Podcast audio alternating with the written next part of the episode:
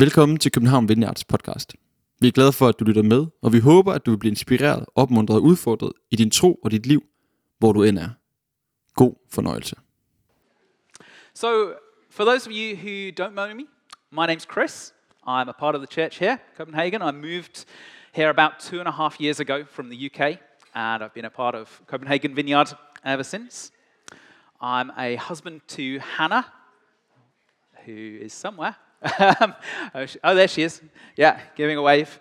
And she has been very good at looking after our two children all of this week while we've been at summer camp. I've been helping with the streaming. And here she is again today, helping look after them. This is one of them, Rex.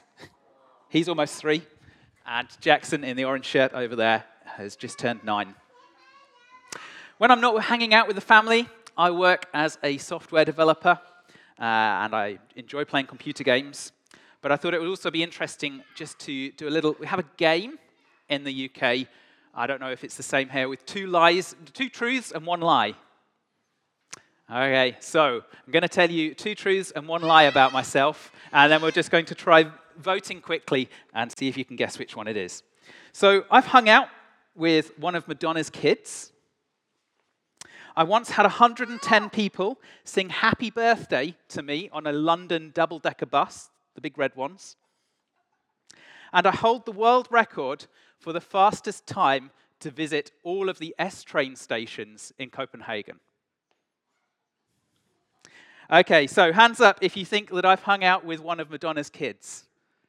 Or, okay, let's do, let's do hands up if you think that's a lie. Sorry, yeah. So if you think it's a lie that I've hung out with one of Madonna's kids. Okay.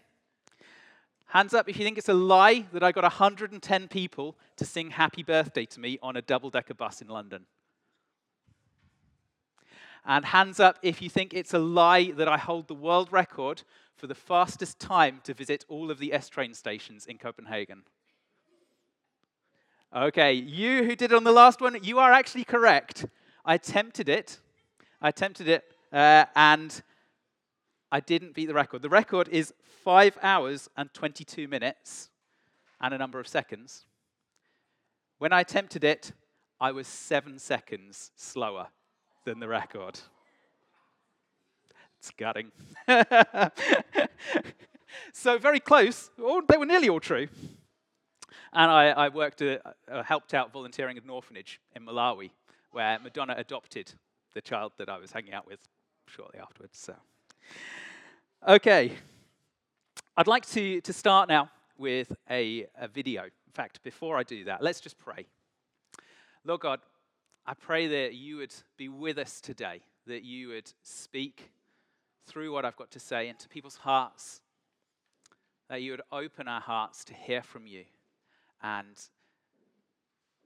that we might catch a glimpse of who you are, our loving Heavenly Father. That was a moment from the 1992 Olympics in Barcelona. And you can see there, that was the British athlete, Ikli Nurax. uh, that was the British athlete, Derek Redmond. He was running in the 400 meters semi finals. Of course, like many athletes, he was running this race was the fulfillment of a dream. He was competing internationally for his country. 100 meters in, as we saw, he fell on the track, having torn a hamstring. The other athletes ran past him. All of them finished the race. Redmond's dreams of running in a final were shattered. He tried to limp towards the finish line, but was clearly in agony, could hardly move. At that moment, a man leapt over the security fence, ran towards him. Security guards tried to stop him, and he pushed them out of the way. That man was Derek's father. Together, they walked slowly to the finish line, Derek's father supporting Derek all of the way.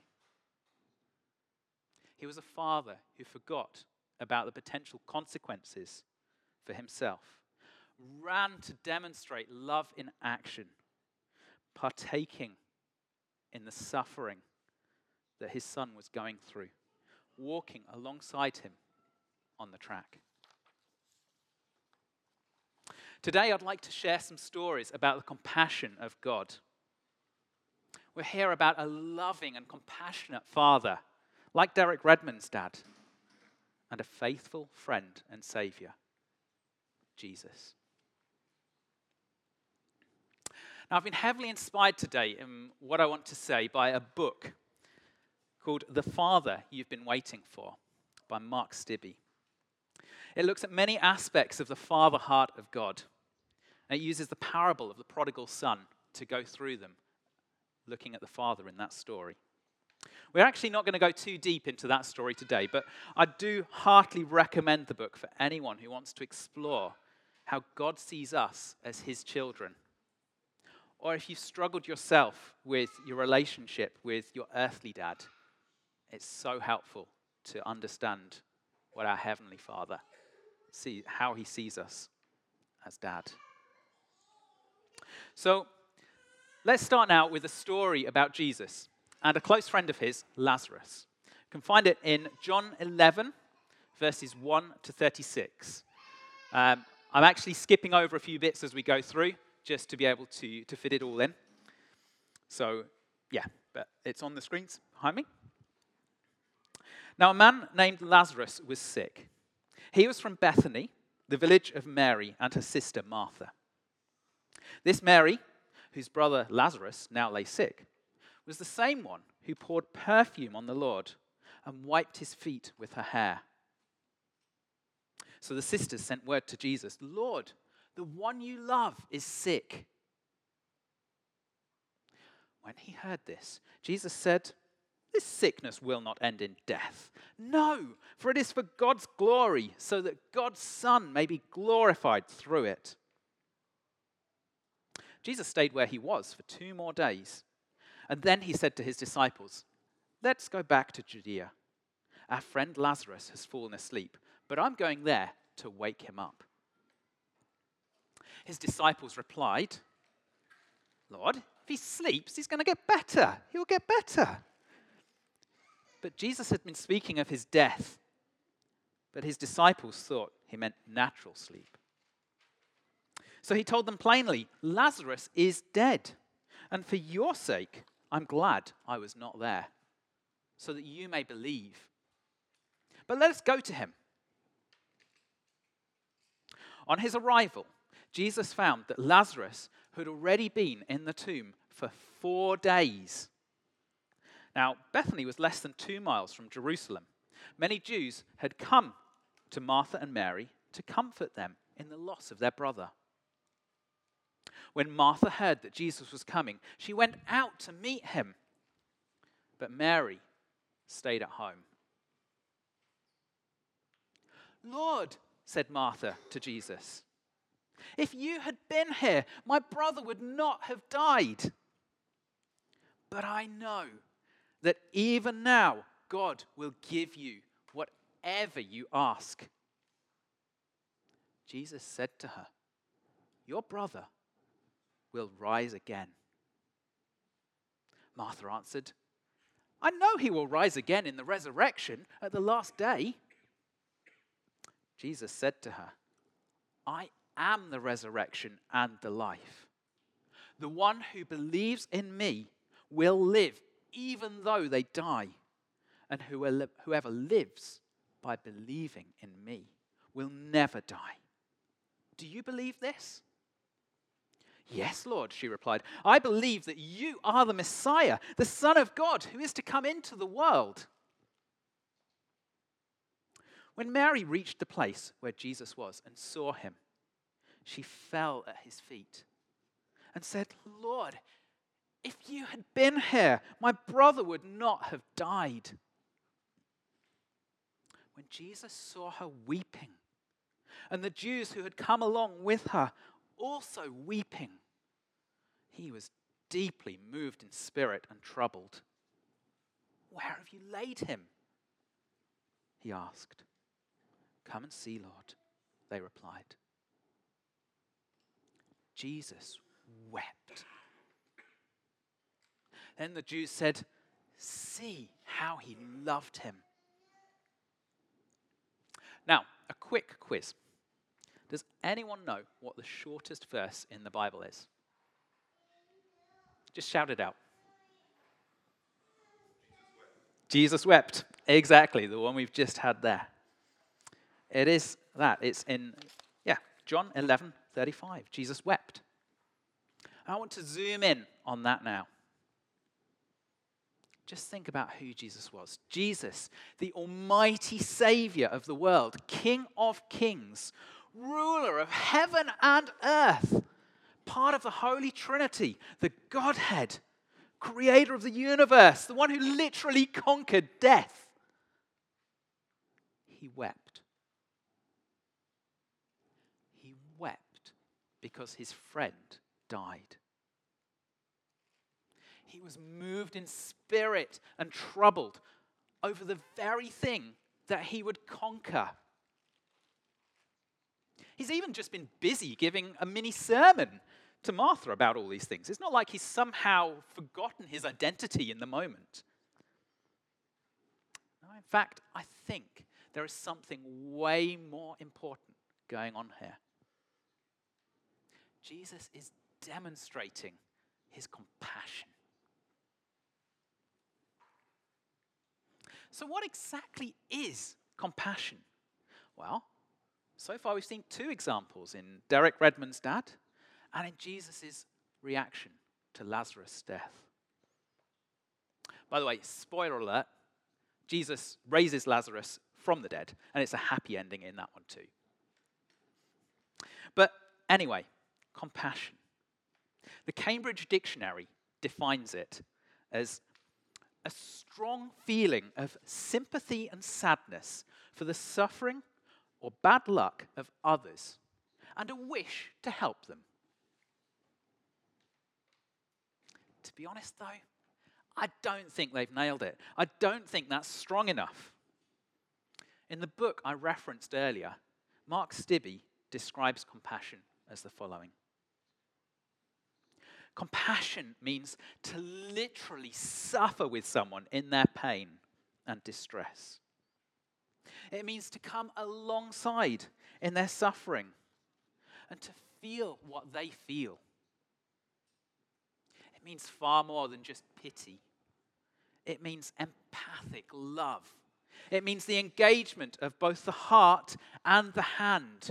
Those of you that were at summer camp might remember discipleship. The heart in sharing another's pain, the hand in reaching out to help. Compassion, in short, is about participation, not detachment. It's about equality, not superiority. It's about suffering love. Jesus wept. When we hear Jesus talk about compassion, the word that he uses is significant. The original language used to write down the Old Testament was Greek. And the word used for compassion in Greek contains the word for guts within it. Wasn't some kind of superficial nice feeling or even not nice feeling that Jesus is talking about here. No, this is a gut wrenching feeling. This is right in the core, deep seated. And if you're thinking, well, yeah, but Jesus didn't actually talk Greek, he spoke Aramaic. Yeah, you're clever. Um, in the language in Aramaic that Jesus spoke, the word for compassion is also centered around the core. It contains the word for womb in Aramaic.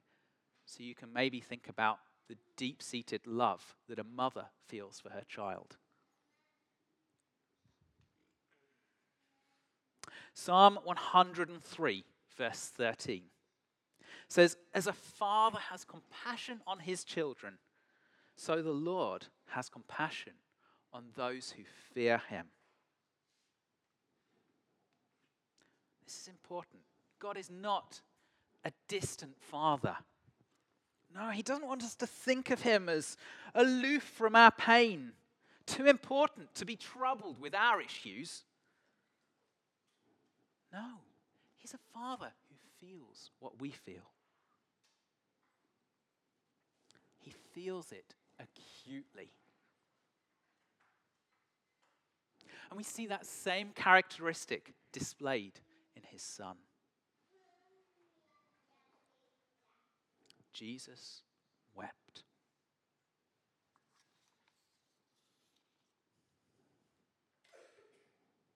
Christianity is not like other religions. It doesn't present us with a set of rules and regulations to help us climb up to where God is. No. Instead, it presents us with a God who chose to become human, walk among us, experience our pain, and ultimately die in our place. What an ultimate act of compassion. So what? Well, we're called to show compassion. We're followers, we're disciples of Jesus, after all, and a disciple wants to learn from and become more like his master. So, how can we show compassion? My answer would be to surrender to God. Do you realize how dangerous and exciting the prayer of Isaiah, Here I am, send me, is? Do you dare to pray that? We've already been singing songs about surrender this morning. Do you dare to ask God to give you opportunities to share this, share His compassion with others? What if God really does open up some new opportunities for you? Scary, out of your comfort zone experiences. What if He gives you a heart for those that don't look like you?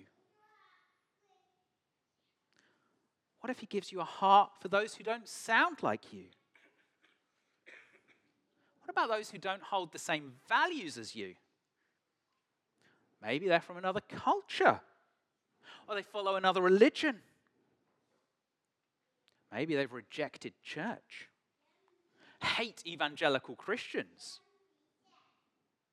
Maybe they're untrustworthy, live a chaotic lifestyle, are smelly, violent, or abusive.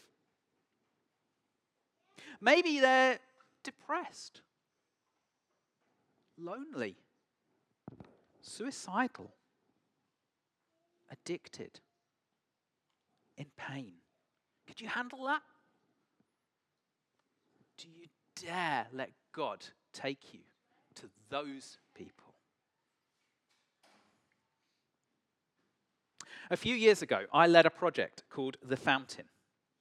We ran a non profit coffee shop in the bus terminal in Bedford.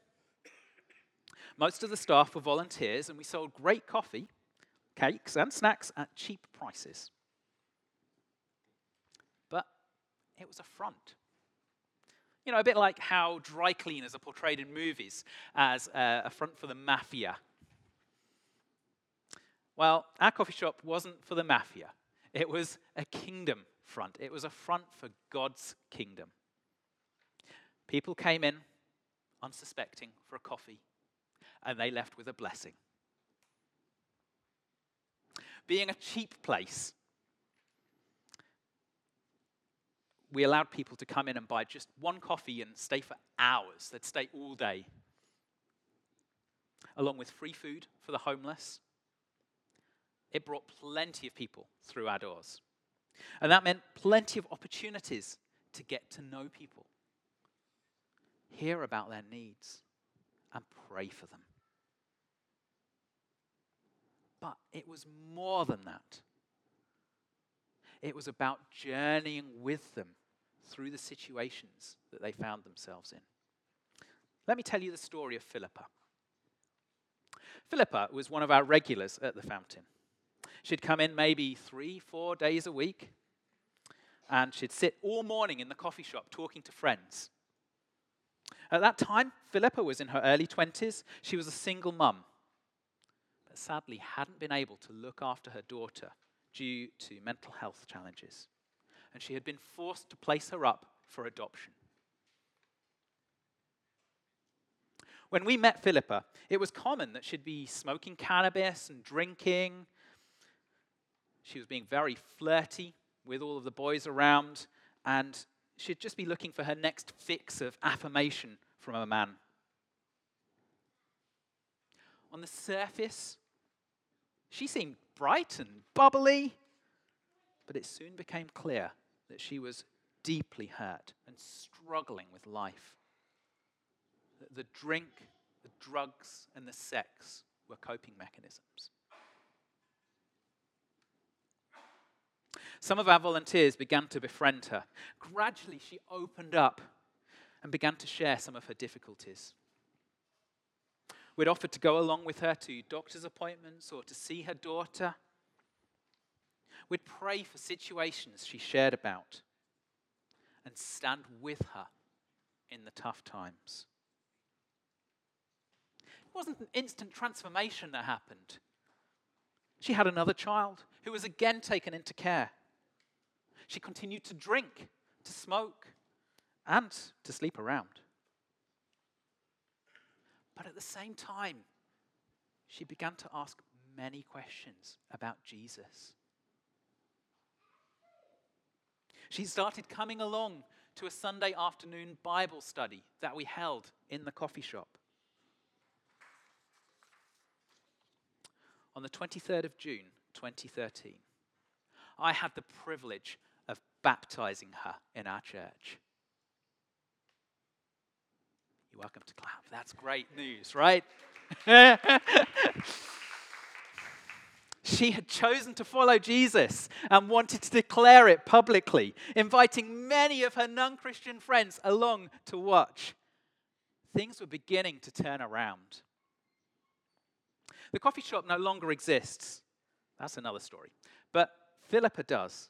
And God has been gradually transforming her and renewing her and healing her over these last 10 years. Her mental health is much better. She's a committed part of the local church, openly sharing about Jesus whenever she gets the chance. What's more, she's now in a stable, committed relationship and will be marrying her fiance next month. What an incredible transformation.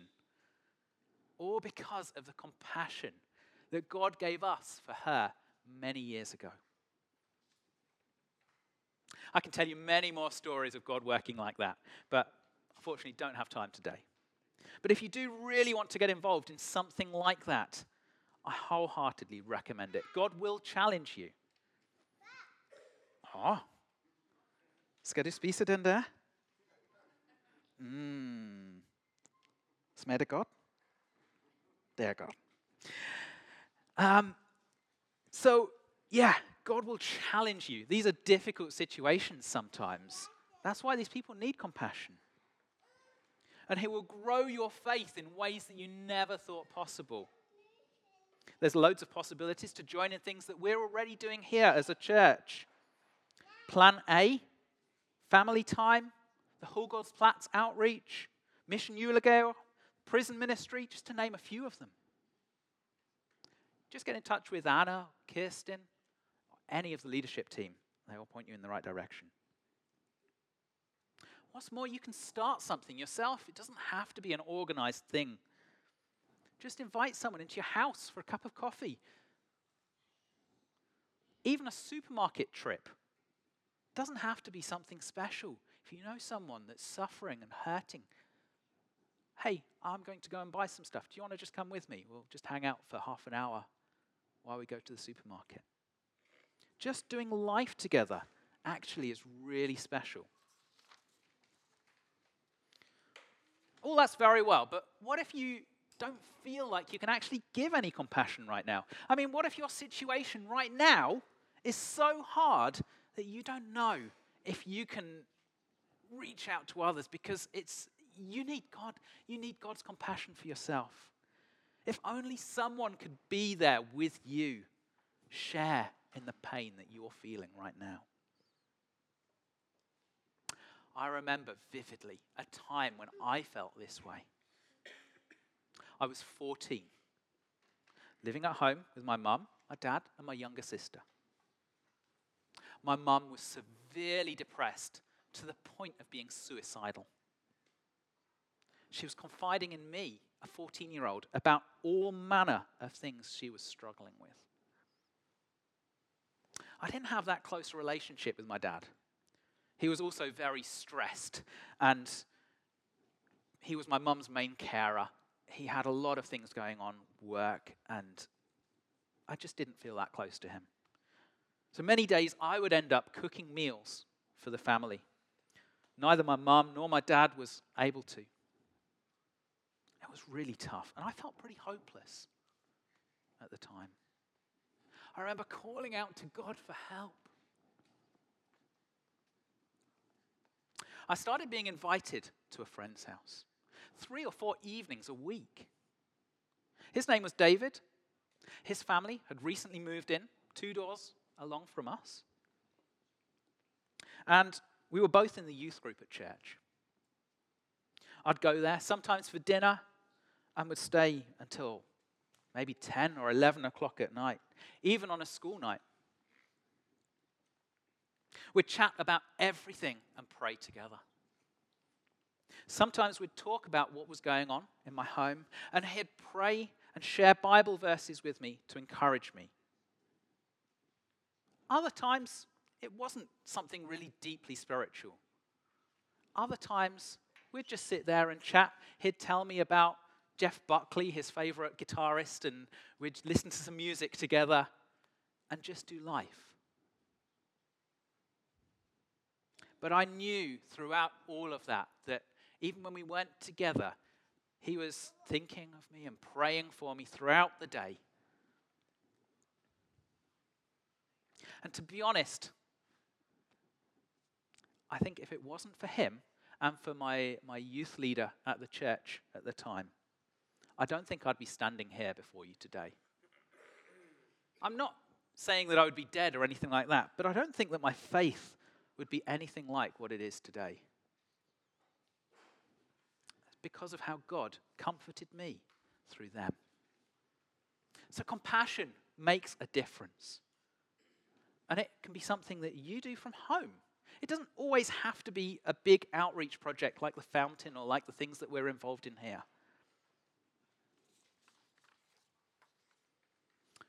If you're feeling more like I was then, as a 14 year old, struggling with life and feeling the pressure, I have one final thing I'd like to share as we pray together.